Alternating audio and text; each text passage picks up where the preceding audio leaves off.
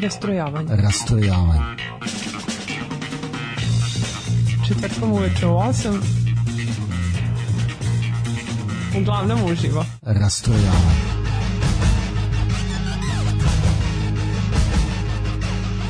U 8 sati. Rastrojavanje.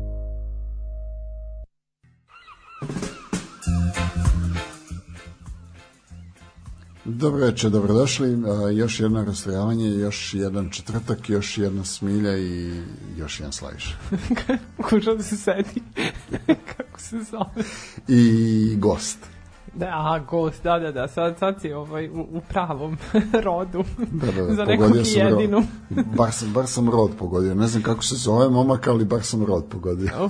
Pa, poznaćemo se, ima vremena. Čuo sam da traje emisija sat i po, pa ono.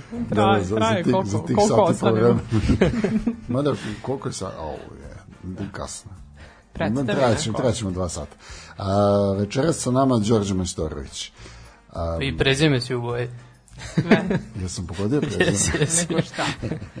Često me zovu Marjanović, ali dobro, to je sad druga priča. Pošto nisi došao u Sakovu, odmah smo eliminisali to prezime. Ali u osam, evo, uživo je tako. Da, da, da.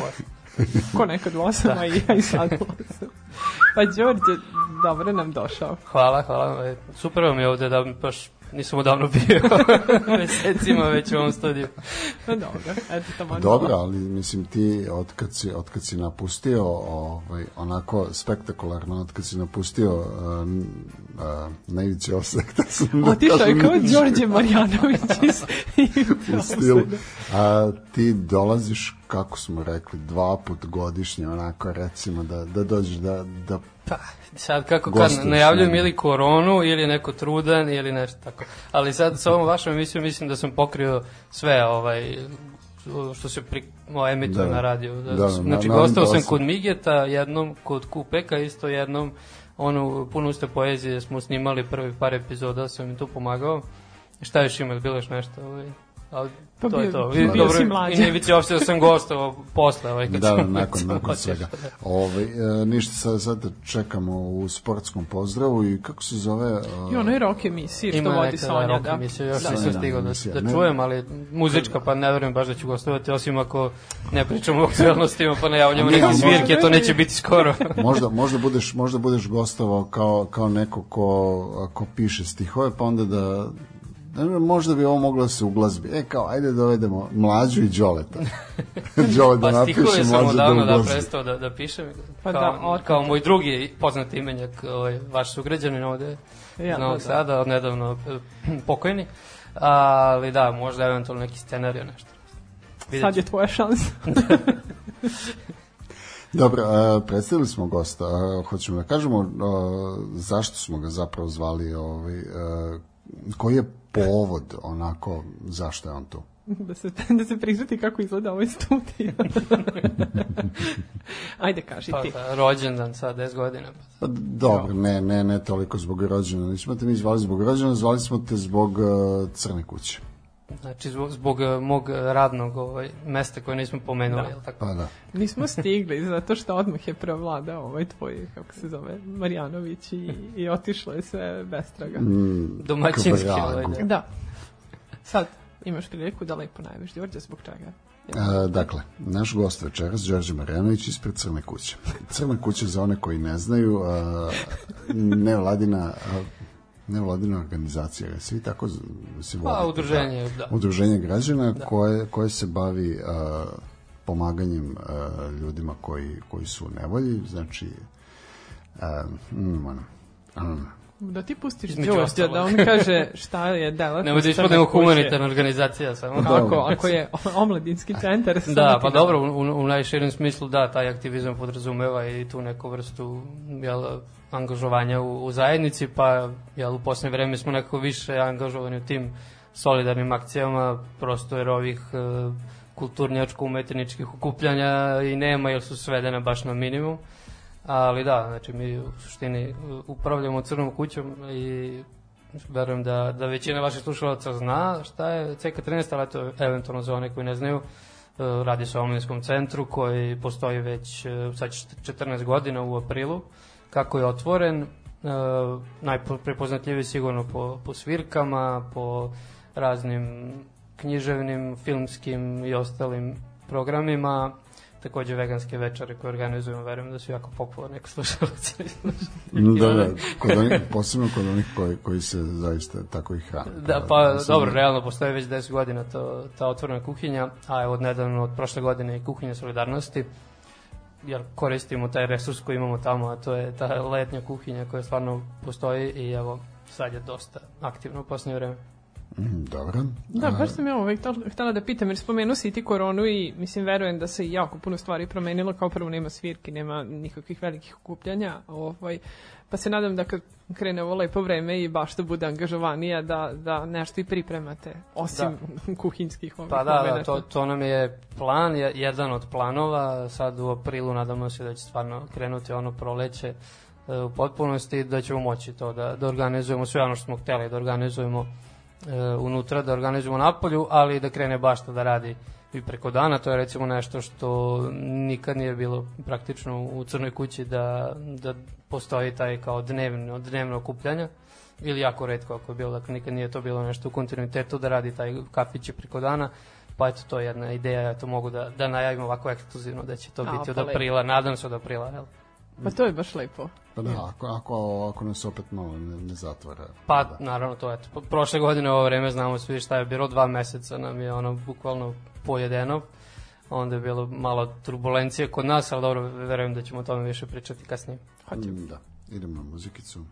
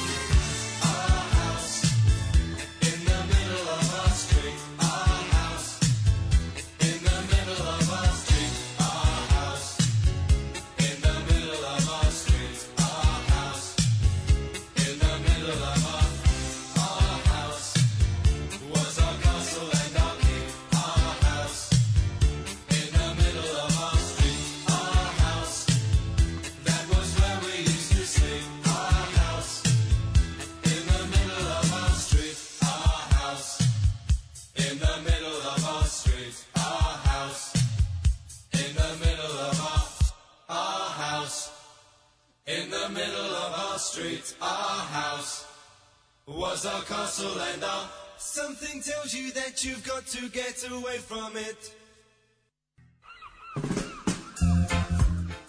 Ja ne znam odakle nam ovo pesma. kako- Čudna verzija. Da, da, da. Ovo je, ovo je nešto je kraj je krajnje dotukao. čudno. Krajnje čudna verzija. Jeste. Ali, mislim, bilo je po, po želji ove sluš, uh, sam gosta. Pa- Ej, pa sve, znači... Da, Marjanović, pa- ovo. Marjanović. da, u, ovaj, ja, ja sam, kad, kad sam se uozbiljio, ja sam ga najavio kao Marjanović. Mislim, Dobro, pazi, jednom je novinama izašla ovaj, Đorđe Marjanović, tako da to je okej. da. Prihvatam. Ti si onda a, a nisi imao sa, a nisi imao sako. Nisam imao to. Ne, ne, ne, posle ovoga, ako ne počneš da nosiš, ništa. Ove, nego, Đorđe, Majstoroviću, da mi tebe pitamo najbitniju stvar koja sve onako nas zanima, šta se dešava sa Crnom kućom, hoćete ostati tamo, nećete, cijela ta situacija koja se zakuvala, pa smo je malo pratili prošle godine, šta se, ovaj, šta I se kako je dešava? uopšte došlo do, do te situacije? Pa ja mogu sad da kažem trenutno kako je, jel, situacija je neizvesna i dalje, e, stvar je na, na sudu, postoje čak dve, dve sudske tužbe, jedna je protiv nas e, kao udruženja, CK13 radi iseljenja iz, iz Crne kuće, a druga je protiv fondacije SHL koja je pomogla u snimanju centra i mislim zbog toga moram da se, da se vratim ono što se kaže na početak ako bi ispričao celu priču pogotovo ljudima koji nisu toliko upućeni koji nisu čitali sva Da, ta svakako. saopštenja mislim sigurno ih ima puno e, ono što jel, većina znam da je Crna kuća osnovana 2007. E, upravo kuća je kupljena donacijom te pomenute fondacije SHL iz Berlina E, radi se o naravno nekom velikom iznosu, ne moram sad da pričam, ali nije ni to ništa kao tajno, ali naravno u pitanju je jel, donacija koja e, je zapravo upisana kao hipoteka. S obzirom da strano lice u to vreme nije moglo da bude e, vlasnik nekretnina u Srbiji, recimo to sad zakon dozvoljava, u to vreme, znači 2006. kad je kuća kupljena, to nije moglo. E, tako da je jedna od e, organizacija, jedna organizacija koji su bili među osnivačima e, centra je faktički bila, kako da kažem, e, poslužila da se preko nje kupi kuća, dakle uplaćen je novac i ta kuća je kupljena da se prilagodi za omladinski centar kao što je, Da. jel, posle toga je bilo. S tim što ta organizacija je samo jedna od onih koji su osnovali centar, tu je bilo puno formalnih i neformalnih grupa, bile su još dve organizacije koje će se tek kasnije zapravo registrovati. To su alternativna kulturna organizacija e, AKO, jednog poznatog radio voditelja ovde isto, i druga organizacija Kružak koja, koja se na neki način stopila u nekom trenutku sa, sa AKOM. E, I sad dobro, ajde da, da ne dužim priču, uglavnom na taj način je centar osnovan i postoje nekih jedno 3-4 godine je funkcionisao tako da je iz tog, da kažem, iz tog jezgra e, vođena kuća, s tim što su se onda i ljudi iz ove pomenute dve Ako i Kružok e, organizacije povukli faktički, napustili kuću, naravno ne, ne svi odjednom, nego u nekom malo dužem periodu, s tim što ono što je razlika u odnosu na ovo sad što se dešava, jeste da tad to nije bilo nešto posebno javno, ni- nisu bilo ovako neka saopštenja i slično, već to desilo na neki drugi način. A, dakle, Kudor, koja, ja ne znam da li sam pomenuo kako se zove ta organizacija preko koje je kupljena kuća i koja nas sada tuži da, da nas izbaci, oni su faktički ostali da e, da rukovode kućom, iako oni nikad nisu e, delovali iz same kuće, oni su imali uvek svoje kancelarije na, na detelinari. I uglavnom tada 2011. se osniva udruženje CK13 e, od ljudi koji su tada e, ono, organizovali programe u kući koji su, tako kažem, ostali ili neki novi koji su došli. e, plus naravno Kuda.org i Novosadska lesbijska organizacija koja tada isto delovala iz, iz centra. Dakle, to su bili neki inicijalni osnivači samog udruženja.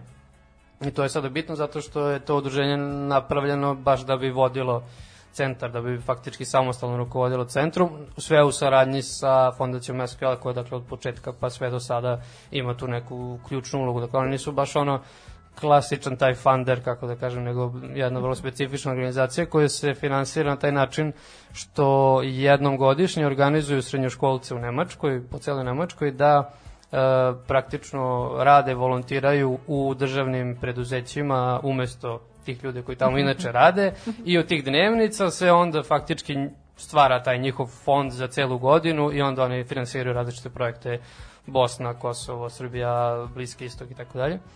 I na taj način je skupljen novac i da se kupi kuća i kasnije da se ona finansira u kontinuitetu, evo već 14-15 godina.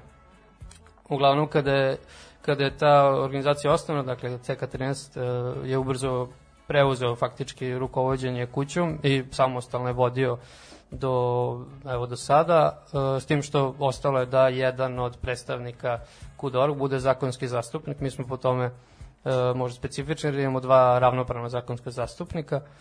E, tako da sve vreme to bio makar jedan od, članova KUDORG i to će naravno pokazati kao problematično u onom trenutku kada, kada se postavi pitanje samog, e, kako da kažem, same nekretnine, jel, tih interesa. Oni su je postavili 2019, sad mogu ono fast forward u 2019. E, tamo negde u maju smo mi dobili mail e, od, od Kudor posle dugo godina faktički nekomunikacije sa njima. Ja baš se to pitam, a šta je, izvini sad što sam upala, Da, da, ali, da. ovaj, a, postoji neki razlog koji je izazvao da se taj mail ovaj, pošalje od strane njih vama? Ne, ne, sad, ja, ne, sad sam vratio malo, malo pre ovog samog, znači jedne godinu dana pre ovog raskid ugovora. Mhm. Znači, e, u, e, mail koji je stigao zapravo bio vrlo friendly i e, tražio je, zahtevao je jedan sastanak gde bismo se mi malo bolje upoznali u smislu da i oni imaju neke nove članove i da mi imamo neke nove članove umeđu vremenu, naravno a u samom mailu jel, nije, nije se, kako da kažem, nije se iskazivala namera nikako, to se iskazalo samo usmeno na tom sastanku, a namera je bila da se Crna kuća pridruži inicijativi za agrariju, e, dakle koju Kudorg e, pokreće sa nekoliko, je već zapravo pokrenuta u to vreme sa nekoliko strukovnih udruženja e, ovde iz Novog Sada, da se zapravo od grada dobije jedan prostor e, ovde u, u Las Lagala, ako se ne varam, na, na Grbavici. To je ona zgrada Electroluxa, ona napuštena, mislim da, Da, da, većina vas zna, da. Čižbu. E, da, tako, tako je. Da. Dakle, Crna kuća bi tu poslužila kao neka vrsta zaloga ili nečega u tim pregovorima sa gradom, da se dakle dobije nešto mnogo veće, ali nešto potpuno suprotno ono što je sada. Dakle, Crna kuća potpuno nezavisno funkcioniše u odnosu na grad i na sve ove ostale instance vlasti, ovo bi moralo da bude nešto drugo i to je ono, da skratim priču, to je razlog zašto smo mi taj predlog odbili i jel, rekli da da to ne želimo. U principu, tada kad smo odbili taj predlog, onda kreću svi ti naši e, problemi. E, mi smo odmah naravno pisali i ovoj fondaciji SKL da ih obavestimo šta se dešava i zatražili smo zapravo da, da dođe do definitivnog razlaza i da više nema tog preklapanja, da i ti zastupnici i sva tela, ta upravna, kako da kažem, organizacije moraju da budu od ljudi koji zapravo rade, a ne sad neko ko je tu samo zato što je jedan od osnivača i zato što je jedan od vlasnika jel, Da. e, kuće i to ne zato što je on sam uložio nešto, neki svoj prirodni novac, nego zato što je dobio jel, jednu donaciju, pozemicu zapravo iz, Nemačke, Nemačke fondacije. Da. I onda sad tu kreće taj ceo proces pregovora koji je trajao uz posredstvo uh, fondacije SKL, trajao mesecima naravno. To je jako muk- mukotrebno i nema potrebe da nešto sad to posebno obrazlažem, uh, zato što su ti pregovori propali, a propali su tako što je bio dogovor da se nakon, dakle došli smo do neke tačke, do Ćorsa kaka, otprilike negde u, u prošle godine u ovo vreme, kad je počelo vanredno stanje. I neki načelni dogovor je bio da moramo prosto da sačekamo da neko iz fondacije SKL dođe u Novi Sad na neku vrstu medijacije. Međutim, čim je ovaj, ukinuto vanredno stanje, nama su uh, i ljudi iz Kudorg poslali raskid ugovora, to je bilo negde kraje maja, kraj maja e, prošle godine, e, raskid ugovora o korišćenju prostora, dakle to je bitno, mi smo sa njima imali od početka taj ugovor o, o besplatnom korišćenju prostora Crne kuće, oni po ugovoru sa SKL-om nisu ni mogli da, e, ovaj, da bilo na koji drugi način nama i ustupaju, dakle nisu mogli da, da naplaćuju, da iznajmljuju, da prenamenuju prostor, to je jedna od stvari zbog kojih je SKL garant. E, tako da je zapravo do, došlo do, do raskida tog ugovora i dobili smo neku vrstu ultimatuma nakon toga, zahteva koji nisu imali veze nikakve sa ugovorom o korišćenju prostora, već su se odnosili pre svega na organizaciju. E, zahteve da se e, ljudi iz Kudorg moraju vratiti na upravna mesta u organizaciji, da imaju većinu, da imaju pravo veta, isključivo pravo veta, što je ovako vrlo zanimljivo.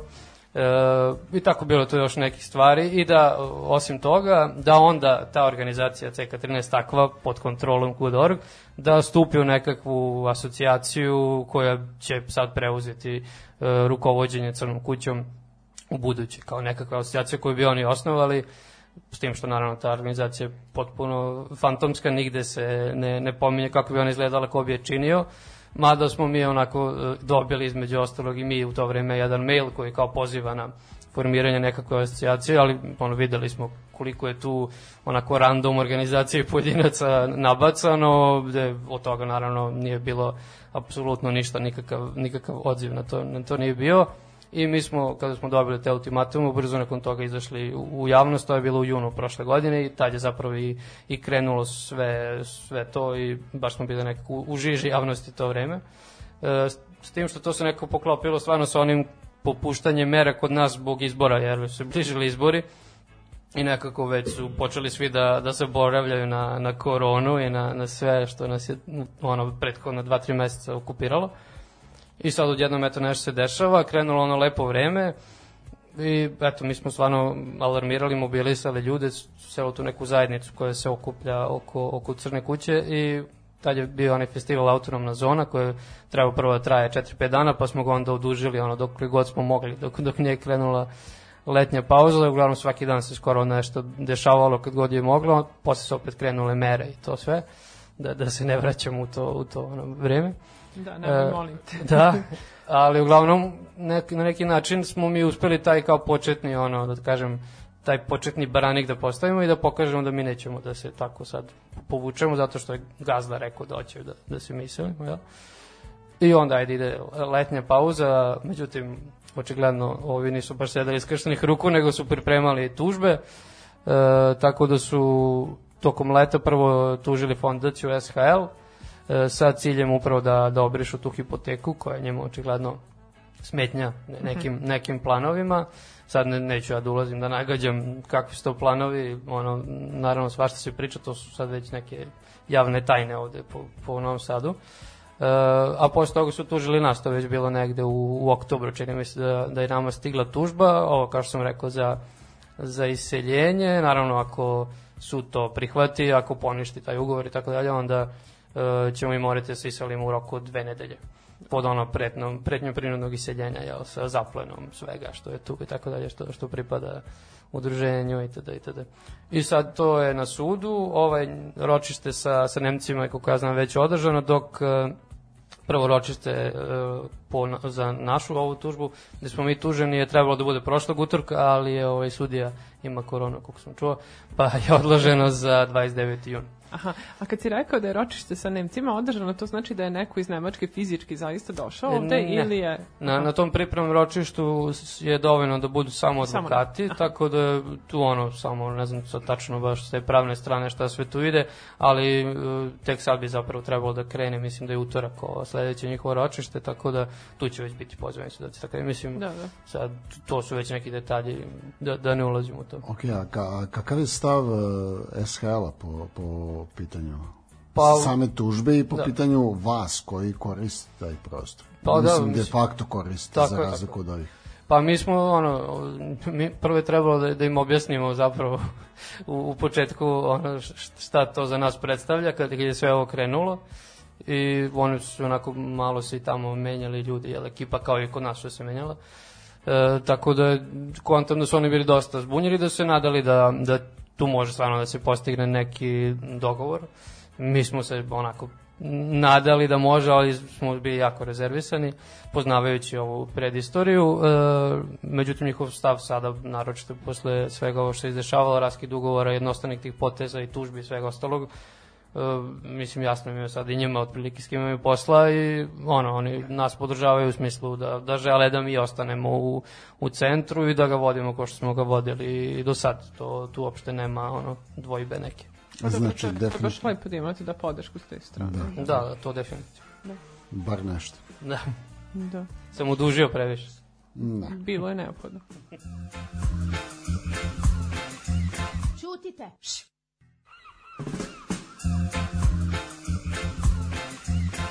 Chris Coleman's men have freed Welsh football from the shackles of their history. Half a century and more of heartache, of last gasp failure.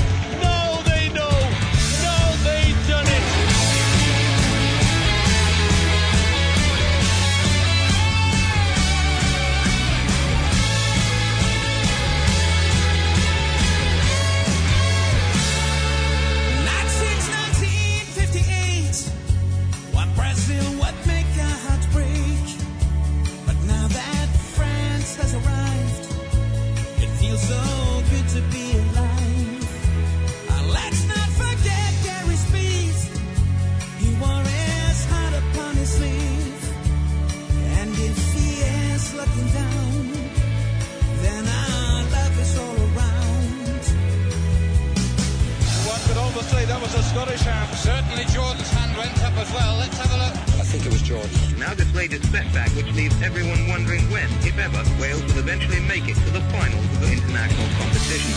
So come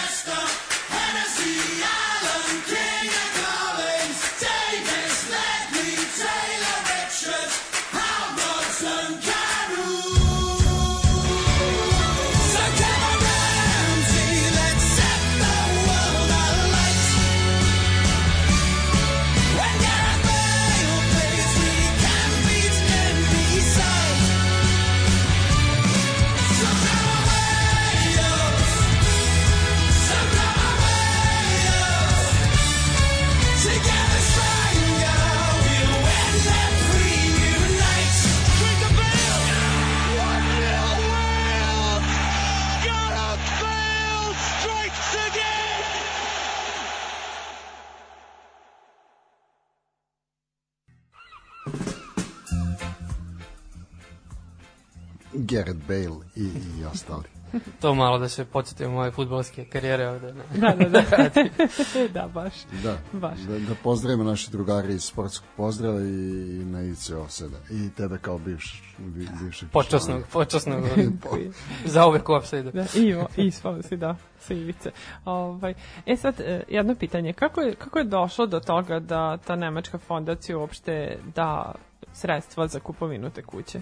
Da, pa to je, to je zanimljivo isto, mislim, nije to baš, pogotovo sada u ovo vreme, mislim da to jako redko da se dešava, u to početkom 2000-ih se to još i, i dešavalo na ovim prostorima da, da neko ovaj, takvu vrstu podrške uputi. E, pa u principu jedna, ajde da kažem, grupa mladih odavde učestvovala u nekim razmenama mm, između tada još SCG, ako se ne varam, i, i Nemačke i ovaj videli su tamo neke neke slične kulturne omladinske centre mm, ono shvatili su da da u Novom Sadu nema ničega sličnog znači pričamo o 2005. i 6. godini i ono prosto se došlo na na ideju da se da se tako nešto ovde pokrene ono pronađena je ta ja kako već vide u tom projektnom svetu našla se fondacija koja ima odgovarajući konkurs napisan je ovaj projekat i sad dobro to je isto zanimljivo mislim ko, ko je sve učestvovao u, u tom pisanju projekta nama su javljali ljudi sad gomila njih koji su bili u samom osnivanju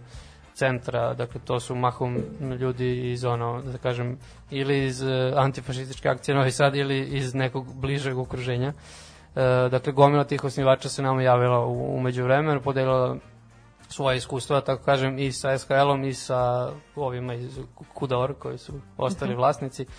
I, jel, to je tako predstavljeno bukvalno kao da je to bila samo jedna tehnička stvar na dobijanje projekat i sad će samo ovo da se, da se registruje na taj način da jel, ovi budu vlasnici, SKL će imati hipoteku kao neki garant da kuća neće biti prodata itd. itd.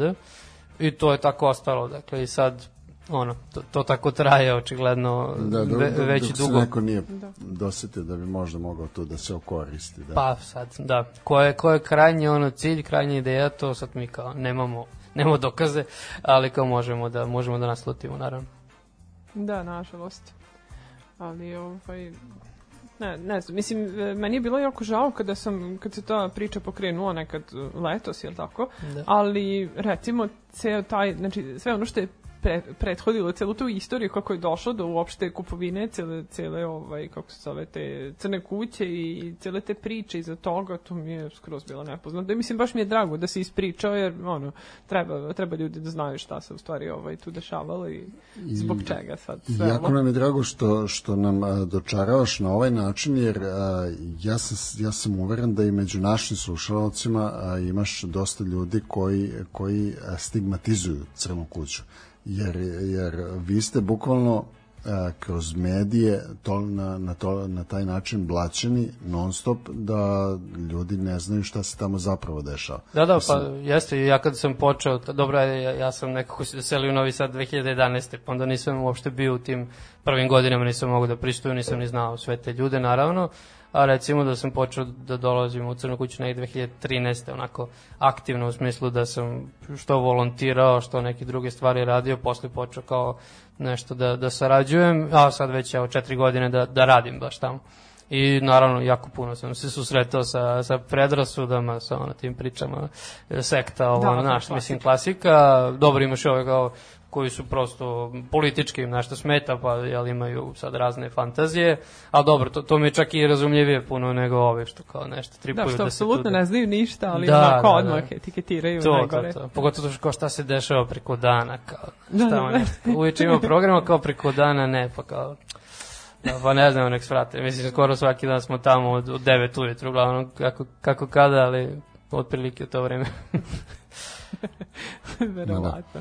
A, ovaj, a ovako sad, pošto i dalje radite, jel tako? Da. Je li ima nešto što se ovaj, sad planira uskoro? E, ja sam videla neku najavu za neki seminar, ali, ovaj, ali baš bih volila da nam ti malo ispričaš o tome, jer je vrlo interesantno, meni bar bilo ovaj, šta, šta će biti tema toga, pa me je zanimalo i da te pitam kakav bude odziv na to. Mislim sad, Da, da. mislim, uzet ćemo u obzir i da je korona i da tu moraju da se poštuju mere i manje broj ljudi i sve, ali ovako, kada su se dešavali, ovaj, održavali seminari, seminari tog tipa, ovaj, kako se Koliko su se ljudi ovaj, rado odazi- odazivali na Pa, to? boga mi, poslednjih, šta znam, jedno dve godine smo baš kao napravili neki program koji je onako smisleniji u smislu da ima tu celinu, zvog, zovemo ga svakodnevno političku, pa između ostalog su tu i seminari. e, I onako baš se dosta pojavila neka mlađa ekipa, ono, kažem, mlađe u smislu čak i srednjoškolci, što dugo u Crnoj kući skoro da uopšte nije bilo, jako bi kao trebalo kao omladinski centar, ali studenti naravno, jako puno. E, neki od njih su počeli da dolaze redovno i na seminare i na neke druge programe i tako smo i bili baš onako prijatno iznenađeni i sad, dobro, s obzirom da je, jel, ovo, postoje sve te mere i, i ovaj, neka ograničenja, naravno, ali ti seminari jesu zamišljeni tako da dođe 10 do 15 ljudi, ne nešto više, a to u Crnoj kući može se organizuje sa distancom, bez problema, mislim, nije, to nam nije sad neko ograničenje posebno. Tako da evo sledeći koji ćemo imati vrlo zanimljiv jeste seminar radikalnog feminizma za muškarce. E, znači imamo prijave do 23. marta, a onda onaj poslednji vikend u martu se održava, dakle subota, nedlja 27. 28. ako sam pogodio. E, to je ono, ne znam, od 10 do 5 recimo je neko, neko vreme kad, kad traje. Da, E, tako da, to baš me zanima kako će biti. Video sam već da su, da su krenule prijave, da već imamo jedno 5-6 komada. Da? Tako da sad lepo. živo me zanima. Neki znamo od ovih prijavljenih, pa, pa baš me interesuje kako će to izgledati. Ju, divno. Pitaćemo te posle kako je prošlo, zato što, mislim, meni je tema seminara fantazija. Da, imali smo, da li prošle, pa pretprošle godine zapravo smo imali uh, jedan sličan seminar, ali naravno on je bio jel, isto o, o feminizmu, pa su uglavnom prijavile uh, devojke, žene, Uh, ali su prijavili dva muškarca, pa ipak ovaj, moderatorka vojiteljka je odlučila da prihvati njih. E sad vidjet ćemo da li će se ovde prijaviti možda i neka žena, ali ne, ovo je baš, baš je namenjeno, dakle, radikalni feminizam za muškarce, dakle, za muškarce koji veruju da je drugačiji muškarac moguće, tako kažem. Čekaj, ali možeš da nam pojasniš ovaj radikalni Možda imamo kandidata kog muške? moramo Da, da, da, da, mo- prijavimo, da. Sad daću ti posle upitnika. Ovaj, pa ne, dobro, ja sad nisam ni ja toliko u tome, to vodi jedan moj kolega koji, koji s time bavi zaista već e, godinama, zajedno sa Milošem Uroševićem koji je član žena u crnom.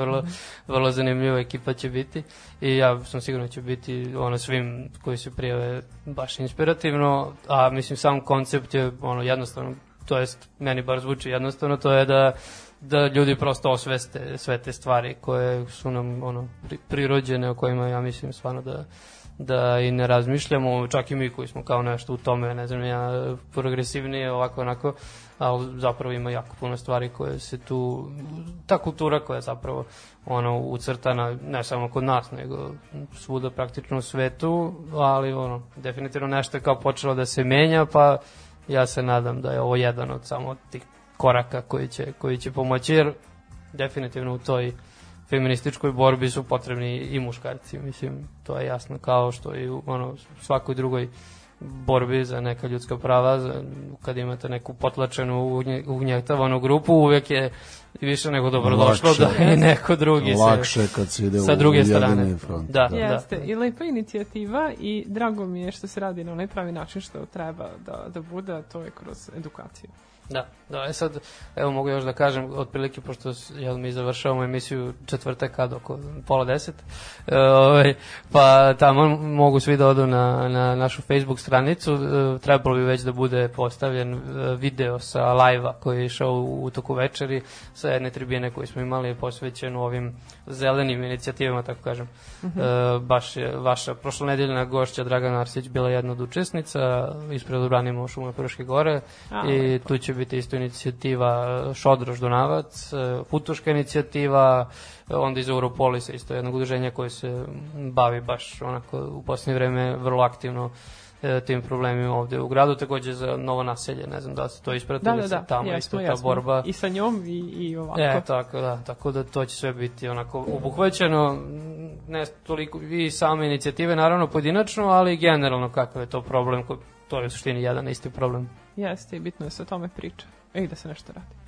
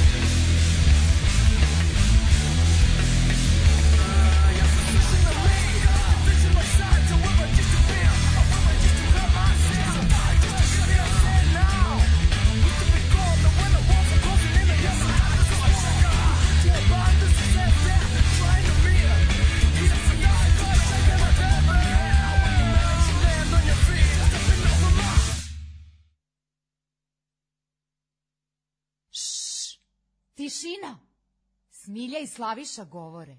Rastrojavanje. Ajde sad kaže glas. Jesu uvijek prepadne od ovoga. Milice, čuješ ti ovo, Milice? Strašni džinglovi. Da, da, Milice, vrlo teatralno. Nego da se vratimo mi našem uh, gostu večerašnjem, um, nesuđenom Marijanoviću.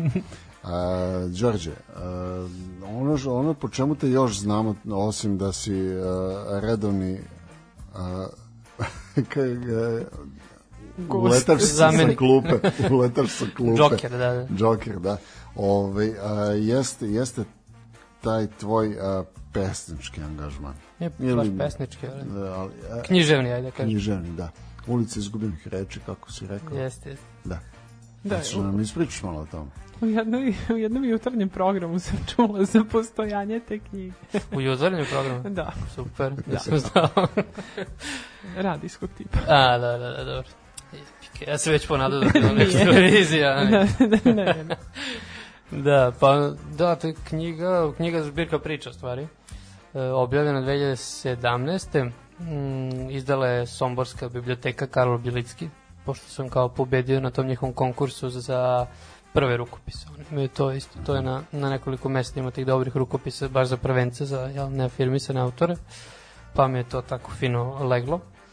Inače, bilo je jako smešno kad, sam, kad su mi javili da sam pobedio, pošto se ja u to vreme nisam javljao na nepoznate brojeve uopšte brojeve telefona i onda mi tako zvonio, zvonio telefon nekoliko dana nisam se javljao i onda sam stigao SMS od te predsednice žirija kao ovde taj ta, vi ste taj taj, kao ušli ste u najuži izbor, tako nešto. Kao molim vas javite se da se kao čujemo, ne znam ja šta. I onda su mi sutra dan valjda javili i to dok sam čekao u redu za ovaj, da se prijavim na ovaj biro za nezaposlene. Znaš, ono, kao redovno ono javljanje. U to vreme još nisam radio u, u Crnoj kući. I kao čekam u redu i stiže mi SMS kao vi ste naš ovogodišnji laureat, tdd, uskoro ne znam ja šta dodala i tako dalje. I ja ono sad kao gledam da li da se Da li prijavljujem reda ili da ili ne. kao živeću od prodaje knjiga, ne. Ali ipak sam se prijavio, dobro nisam našao posao preko biroa naravno, nego ovaj, preko angažmana u, u Crnoj kući. Ali da, knjiga je izašla 2017. Ono, kao i verovatno većina prvih knjiga nije baš nešto ispraćena e, specijalno, ali eto, radi se o zbirci priča, ima 18 e, kratkih priča. E, to je onako, pa da kažem, kompilacija nečega što sam radio godinama pre toga. E, s tim što onako sam se trudio da ne stavim tu sve, jer to je uvek greška, uvek ono, nagazna mina za sve početnike nego moraš da selektiraš da napraviš neku celinu od toga. Bez obzira što zbirka priča, one moraju da imaju nešto. Znači, onda sam ja tako gledao, pa sam ovaj, birao po, po nastav, pravio poglavlja po tome iz kog se ono lica pripoveda. Znači, prvo lice, treće lice, imam jedno kao eksperimentalno na kraju da se obraćam kao direktno čitavcu u drugom licu, tako nešto. I ovaj, eto, to je to jedina, jedina poveznica.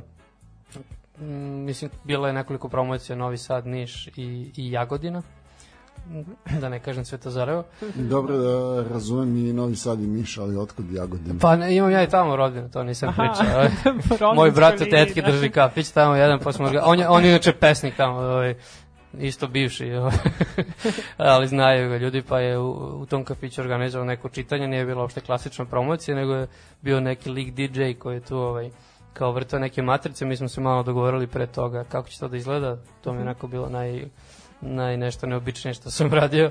Definitivno, kao uzeli smo jednu veliku, dugačku priču, izdelili je na, na tri dela, nekako logično, i napravili od toga kao mali performans, ono bio pun kafić, mislim, nije ga teško napuniti, ali je bilo krajnje simpatično, ne znam, prodao sam dve, tri knjige, recimo, a dobro, ovo nišno, i sad to je više bilo onako za, za prijatelje, je bilo u poznanike. Novom Sadu? E, bilo je u jednom mestu koje više nije na tom mestu, Kafe Pero, A. Pošto sam ja tamo redovno visio i ovaj, gledao sam često Liverpool gole kod njih na spratu, ovaj, pa sam baš teo da bude tamo.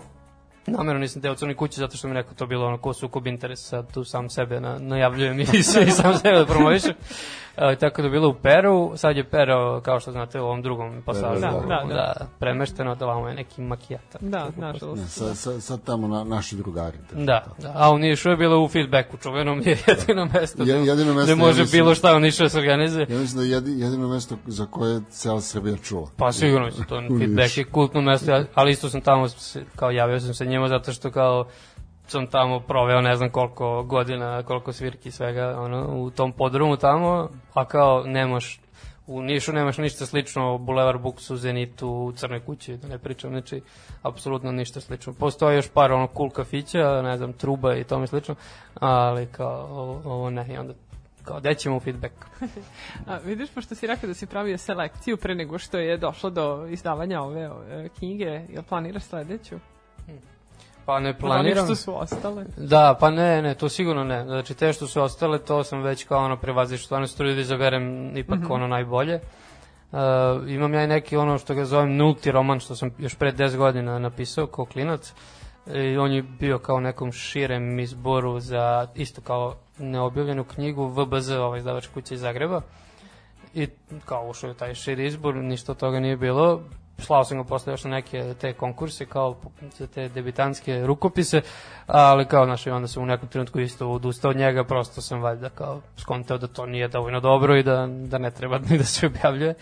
Tako da se ne bih, ne bih s tome vraćao uopšte. Imam onako neke više ideje, krokije, nešto što sam počinjao, pa sad, znaš, kao, kad stignem da se tome posvetim, to je problem najveći sad u poslednjih stvarno par godina, što uopšte ne stižem, mislim, stižem da pišem, ali jako redko, isto, isto važi čak i za čitanje, znači čitam ono što čitam kao urednik književnog programa u, u Crnoj kući, a ovo što kao čitam iz zadovoljstva, to je suženo jako, jako je smanjeno u odnosu na, na neki ono prethodni period. Ali dobro, ono po, po čemu sam dalje u književnosti, to je to su te radionice kreativnog Mhm. pisanja. To to već ne pet godina mislim da u kontinuitetu vodimo vamo u Crnoj kući i to me nekako država baš jer tu se stalno pojavljuju novi mladi ljudi i baš ovo smo pričali malo pre e, uglavnom su to u posljednje vreme devojke koje stvarno sad nekako nose ovu književnu scenu mislim generalno u regionalnu da su baš autorke nekako kod nas sad u prvom planu. I recimo ja ovde isto to sam primetio, kad sam ja počeo da dolazim na te radionice, pošto sam prvo bio kao polaznik kod, kod Bojana Krivokapića, onda ovaj, je nekako bilo obrnuto, tad je bilo mnogo više muškaraca, tu i tamo poneka devojka i to onako stidljivo, znaš, dok, dok se dođe do, do promocije tog našeg kao zbornika zajedničkog, ono već one odustanu otprilike, dok dođe jedna, tako nešto, znaš. A sad obrnuto, sad Jel? skroz obrnuto situacija. Pa Da. to je lepo. Koliko se često to organizuje? E, Pa sad to bude sezonski, pre bilo kao prolećno jesenje, sad prolećno neće biti e, samo jesenje, kao jesenje ciklus i onda bude svake subote e, se mi okupljamo ono tipa od, od 12 do 2-3 kako kad. Imamo nekad i goste, tako dolaze nam neki Pa š- afirmisani Pa pisci. što neće spisatelji. biti prolećno sad kad bude Eh, bašta? Da, da. A ne, ne, to bude gore, na, na, kad imamo i kancelariju našu skrovi, skrovito mesto tamo gde se sve dešava, zapravo ovo što je skriveno od javnosti. Tamo gde ne može da se stigne. nikako. Da, da, da, one stepenice strme i to. da, mislim, neće biti iz raznih razloga, između ostalog, kao to je taj projektni rad koji ti diktira nešto svašta i stvarno smo sad, ono, zbog korone, generalno malo, e, da tako kažem, desetkovani, tako da morale su neke stvari, ono, baš da, da istrpe. Da. A reci nam, e, sad pomenuo si da, da malo, malo ređe imaš e, vremena za čitanje, jer imaš i to, mislim, i te radionice kreativnog pisanja i eventualno da, da pročitaš nešto što ti, je, što ti je neophodno da bi mogao da uređuješ. A jel stižeš da pišeš? Pa jako, jako, ja, jako redko, e, u principu, ajde kažem poslednjeg, pa možda sad već tri godine kao da, da pišem neuporedivo manje nego što sam prepisao, ali to je stvarno onako, baš se osjeti ta razlika. Ali pišeš svakako. Pa jako, jako redko. Mislim, pišem, ali ne pišem na isti način kao što sam, kao što sam pisao da nešto zapisujem, ali nije to, nije to više to, nije to isto i zato mislim da, da me te kratke priče više ne rade. Zapravo da, mi, je- da se malo toga u zasjetio. crticama, onako, Sad znači sam samo više- navedeš i Tako onda je, kao tako. posle razradiš. Da, imao sam, imam ja ono često ideje, naravno, koji svi pretpostavljam i nešto sam kao u glavi započinjao, stavljao to onda na papir kao neki kroki, kao nešto, znaš, uvek imam neki kostur za neku veću priču, e, ali nikako da se, da se to razredi, ono, fali mi to da, da nešto, kao fokus da me to drži sad, da se vraćam tome i to je, to je, to je problem. Kad to pronađemo, onda ću naći valjda i, i vreme nekako, jer mislim, ja i ono, ne znam, dok sam ovaj treći put da udaram u ovaj mikrofon, do kraja ću ga srušiti. Znači, e, šta ste da kažem, da, i sećam se i pre ono dok sam studirao i tako dalje, ono kao isto, kao nemaš vreme i to, ali u suštini tad sam ja puno pisao i sad da ne ulazim u to na koliko sam kvalitetno pisao i to, ali sam stvarno pisao ono matene svaki dan, znaš, nađeš ti vreme, nije to, nije to baš toliki problem. A, a ček sad ne te pitam, kako onda ne imiti offside da sa, sa svim tim pisanjem, mislim, jesi neki ono sportski fan Ja nečeg? sam, da, da, ja sam fanat, mislim, što tiče futbala i, i košarke naročito, ovaj, to mi je ono od malena bukvalno neka fiksacija i bo- pogotovo te istorijske stvari, znači ja to šta god da sam se dohvatio kao klinac bilo čega, ono nekih tih kao sportskih enciklopedija, almanaha, ja to ono znao na pamet, mislim da ne pričam da sam se pojavljivao u kvizovima. Baš sam tela da pitam. to Da, znači ono Nišu je bila čuvena TV5 koji su imali neku e, sportski kviz je bio, da, kao oni su imali neke sportske emisije. Inače, pa je bio kao valjda nedeljom taj sportski kviz i onda se tu kao, ne znam, po, ako pobediš na, telefons, na telefonskom uključenju, onda na kraju meseca se pojaviš u tom finalu gde si kao vas troja koji ste kao pobedili u, u toku meseca, tako nešto je bilo, ne znam. I ono, ja se pojavio tamo klinac, tipa osmi razred, tako nešto sam bio. Je li ima to negde zabeleženo Ej, okom TV ne, kamere? pazi, to je neka 2000-ta godina ili tako nešto, tako da I onda teško. su pobednici tog kviza išli dalje na SOS kanal, na primjer. Au, da, tako da, pa vidiš, nije, nije tad bio SOS. SOS kod nas, u naše živote malo kasnije došao. Ove, mi smo, da, da, ne znam tačno kad je SOS počeo, da, Ne kad smo ni ja, počeli da hvatamo onda, da. SOS. Ali kontent kasnije definitivno, ovo je još bilo baš, baš neko ono vreme pre interneta, mi, mislim, kad je u Niš došao internet, tek 2001. Koliko se ja sećam. Da, tako, znaš, nisi ti mogu sad da, ono, sediš kući googlaš ili šta god da proveravaš, ono, mislim, posle kad je došao dial-up isto, nisi baš mogu tako efikasno.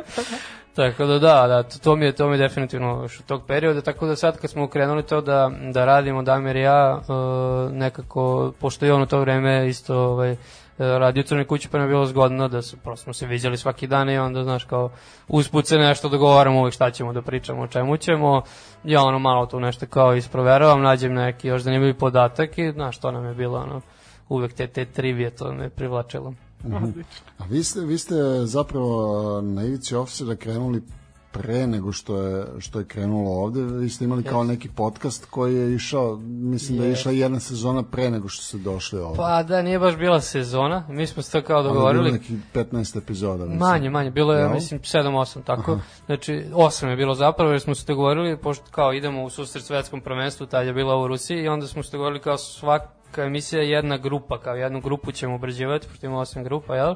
A usput radimo taj istorijat i tamo smo onda natempirali da stignemo do ovih poslednjih prvenstava kad se to završava.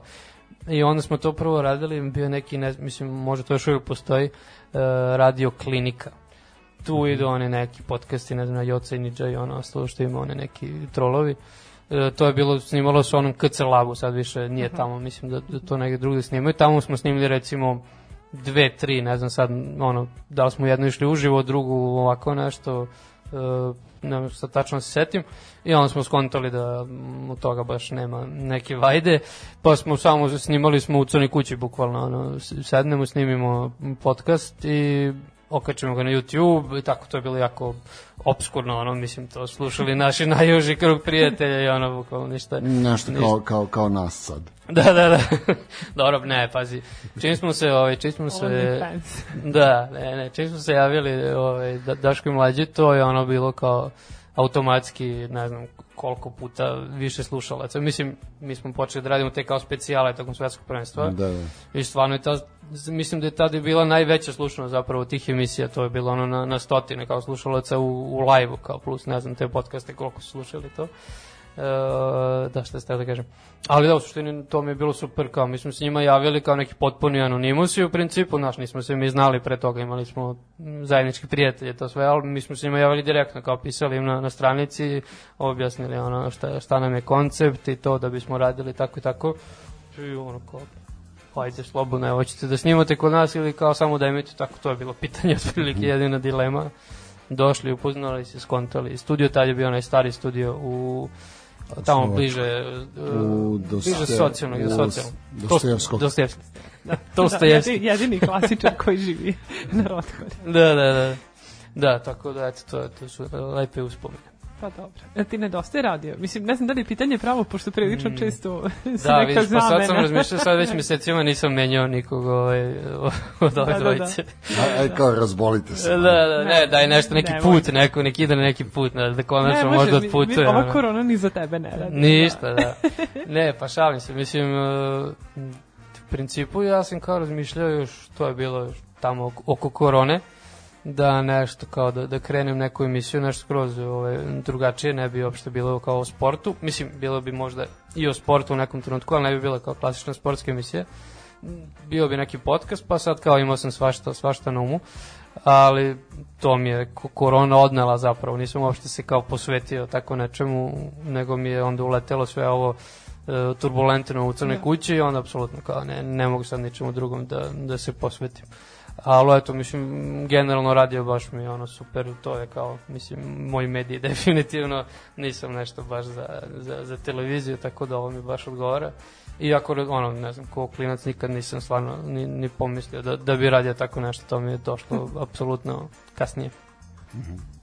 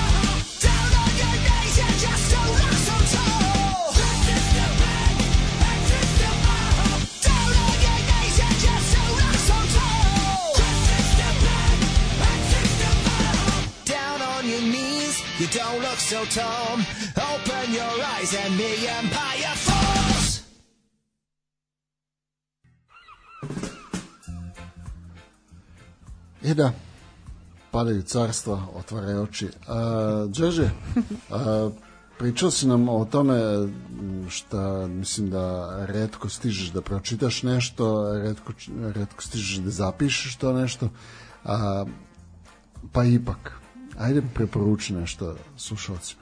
Šta, šta da Sećaš pročitam? da si poslednji put Neku Da. knjigu, jel? Onako baš da je, Uh, pa dobro da posle... recimo u proteklih godinu dana, ajde. U, da, u godinu dana svašta, svašta je stalo. Znam da sam kao na, na početku, ja mislim, ovog sranja u martu prošle godine, da sam čitao po šumama i gorama, Bodirogićevu, i to mi je ono bilo odlično. Čak sam i snimio neki podcast za, za CK Mixcloud sa prvim poglavljem. Pročitao sam celo prvo poglavlje, ne zvuči baš nešto fantastično, u kućnim uslovima je snimano, ali ono, eto, možete naći na, na CK 13 Mixcloudu. E, pa sad osim toga šta sam čitao skorije? Recimo Silvedin Avdić to je ovaj, nije, nije baš mlad pisac više ali nekako tek u poslednjih par godina kod nas počeo da, da neko dobija više pažnje zasluženo. E, pa bih eto preporučio autobusne bilješke to, to sam čitao pa ne, ne znam više kad negde oko nove godine ja mislim e, f, f, f, šta bi još Pa recimo Lana Bastašić, um, ova Mlječni zubi, nova knjiga, to je zbirka priča. Mislim, ona je, njen roman Uhvati zeca je dosta dobro prošao, a sad dobro, ja pošto volim te kratke priče, onda mi je ovo bilo nekako super i mislim, ono, volim dosta pratim tu, tu kao domaću regionalnu scenu, pogotovo te sve mlađe, aj mlađe, tu su neka moja generacija, pa se još smatraju mlađim u, u ovom književnom svetu. Možemo da se, da se provlačimo još uvijek kao mladi. Uh, pa da, ne znam, ne Dobro, znam, šta, mislim, sve domaće. Ja, ja ne znam za jednu od ove dve, pa onda tamo... Aha, je, dobra eto, super, preporuka. super. Imam ja Čuli još smo jedino za bodygrad. za Bodirog Da, Đorđe, dobro, da, sugrađ, dobro, pošto, Pa da. da ovo sve, mogu još jednu bosanku, ovaj, a, a Mila Kahrović Posavljak, to je, imali smo isto promociju online, naravno, u, u decembru sa njom, uh, s tim što ja sam katastrofa sa imenima, knjiga zove se nešto izvedeni iz kičmi. Uh, to je druga, drugi roman, a prvi roman Smrtova djeca pre par godina, to to, jak, to mi je možda još bolje, čak zapravo to bi svima preporučio. Onako priča jedna, jedna i druga je o tom kao posleratnom Sarajevu. Znači ne priča o suštini o ratu, ona je neka moja generacija, mislim možda malo starija. Ali kao zapravo piše o toj generaciji njenoj više iz tog nekog ugla kao rat je tu, kao on nije nikad ni otišao iz Sarajeva u suštini kao, ali eto, šta, šta se sve još dešava posle u tim ono, životima mladim. Da. A dobro. Pa si nam dao, dao si nam ovaj... Lektiru. Onako da Dobro, lektiru i filmovi, temu za filmove, serije, O, nešto. filmove, mm, pa to, to tek u poslednje vreme, znači, e, riknu mi laptop, evo, neko ima neki majstor da se javi, da, znači, ja sve gledam preko, preko toga, u suštini, ono, ništa, na te jako redko, i sve gledam preko tih uh, sajtova gde može da se streamuje, ono, Da, znači, da. na divljaka, i onda to kao prebacim na preko onog kabla na, na TV, tako da sad sam usujećen. Dać, dać ti odličan program ovaj, za telefon, pa E, može, Da, to- može, može. to možeš isto da streamuješ. Može. dobro. A čekaj, koji, koji bi film mogao da preporučim? Pa ne znam, ja zapravo u ovo vreme sam navikao kao da kad izađu te nominacije za Oscara da, da pogledam, Uzmeš sve. pa ne baš sve, ali kao pogledam većinu tih ono, u kojima se priča, da me baš ne nerviraju nešto jako, kao hype, znaš, stvari, jako Da, da. veliki hype, onda ostavim da to malo stoji pa, pa gledam kasnije, tako i sa ovim našim, ono, ostvarenjima iz domaće kinematografije, uglavnom sačekam isto da, da odstoji neko vreme. Tako da ne mogu nešto baš novo onako da, da preporučim. Pa kad postavljaš teška pitanja. Preporučite i meni neki. Um, kad, kad se već Zato je on treba i pomenu- pita. Nije, nisam, zaista, mislim, ali, ali evo, ovog trenutka mi je palo na pamet kad se pomenuo ovaj, Oscar, mislim to kad dođe Oscar, uh, tri billboard. Mislim, Mm. Aha, Aha, nešto da, da, mene zaista, zaista jako dobar utisak ostavio. to je odlično, a sad ide, o, mislim, kako se zove, ili Homeland, ne? Kako se, Nomadland, Nomadland. Ne znam. E, pa, mislim, isto ova Francis McDormand, tako? Da? Glavna glumica je ista u, u Nomadlandu i u Tri Billboardu.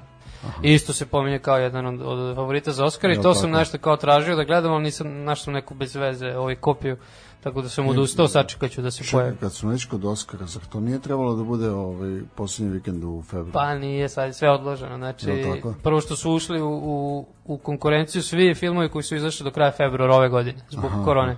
Dobro. Tako da tek sada izlaze nominacije, a ne znam onda kad je ovaj, dodala nešto, u aprilu, ja mislim, čak tako nešto. Da, vidiš, ja uopšte nisam ovaj, to ispratio. Znam da, Da. je uvek tako nešto u, u februaru, pa nemam pojma. Smilja? Odlično, ja to ne pratim uopšte. tako, da, tako da uopšte Da izignorisaću seriju, ovu nešto, priču. nešto što se ne nominuje. Ne znam, ne Je, ovaj, danas, mi je, danas mi je negde na nekom, uh, ne znam kako mi izašla, uh, reklama za nešto kao vikinzi, ali nije ni vikinzi, nego sloveni. Opa, A, češko-ukrajinsko-slovačka koprodukcija. I onako, mislim, po tom traileru rekao bih da, da obećao. O, su riđi svi. Nisu. E, onda, onda nije istorijski Ne, vjerodostojan. plavi su. A plavi, dobro, dobro, možda- možda prođu. Hej Slovenija. to, to, to, to. Ali čekaj, iz kog perioda sve? Pa, Ono kao pre, iz i paganskog da. perioda, nadam. Da, da, da, da. da. To će biti zanimljivo. Da. Pa Sloveni, mislim, da... U suštini da su teli da je u neko normalan uzeo Nemanjića da pravi, to je mogla jako dobra serija da se napravi. Na primjer, mislim, bilo koji period Nemanjića da su uzeli, to je mogla super serija se napravi. ali, ali mislim, mislim da su, da su mogli da isprate onako baš celu dinastiju. Pa dobro, možda Kao, to... kao što su vikingi, vikingi uradili. A ja nisam gledao Viking, to je problem. Ali dobro, mislim, uhvatio sam par ono sekvenci, čuo sam neke pozitivne komentare, tako da Dobro. znam otprilike, ali ne znam to da je cijela dinastija to. Pa mislim... Da, I nije baš sve, čuo sam nije baš sve istorijski. Pokriveno je, pokriveno je 200 godina. Mislim, Da, ne, 100, e pa 100 dobro, godina to, to onda bi mogli Nemanjić, jel? Možda je to previše, znaš. Pa dobro, koliko... Morao bi u stvari su onda- imali 150 godina, da, 170 godina. Tako, da. Da. Mo, morao bi, znači, serijal da se napravi jedan pa drugi, pa, pa Pa da. ne, nisam siguran. Nego, o, Đorđe, hvala ti. Hvala vama. Što si ovako ocenio Nemanjić? Tako i se, kako ti se zahvalio baš posle toga? Posle Nemanjića. Ne, ne, ne, Nemanjić su, me, meni su Nemanjići zaista onako najmanje briga je, ovaj, iz prostog razloga što, što nisam imao nikakvo očekivanje, pa samim tim nije, nije moglo ni da me ovaj, razočara. Mislim, nije me razočaralo zato što nisam ni pogledao. ja sam pogledao par epizoda baš steznati što kao morao sam da to vidim, ali E, kao krajnje ne znaš ti žena osoba po pitanju toga, ja bi se tebi zahvalio što si ti nama lepo bio gost, ispričao šta se dešava sa crnom kućom, nadamo se nekim boljim ishodima posle ovih e, zakonskih stvari koje treba da se odrade u smislu sudova i sličnih ročišta. Tako da srećno sa tim, a Hvala, hvala. za ove tvoje hobije lepe, ono, nadam se da će biti vremena. Čućemo se sigurno. Za to, Nego za šta. to ćeš naći vreme. Da, hvala još jednom. Hvala i vama što ste bili sa nama. Đorđe, laku noć, laku noć i vama slušaci. Ćao, čao. Rastrojavanje. Rastrojavanje. Četvrtkom uveče u 8. Uglavnom uživo. Rastrojavanje.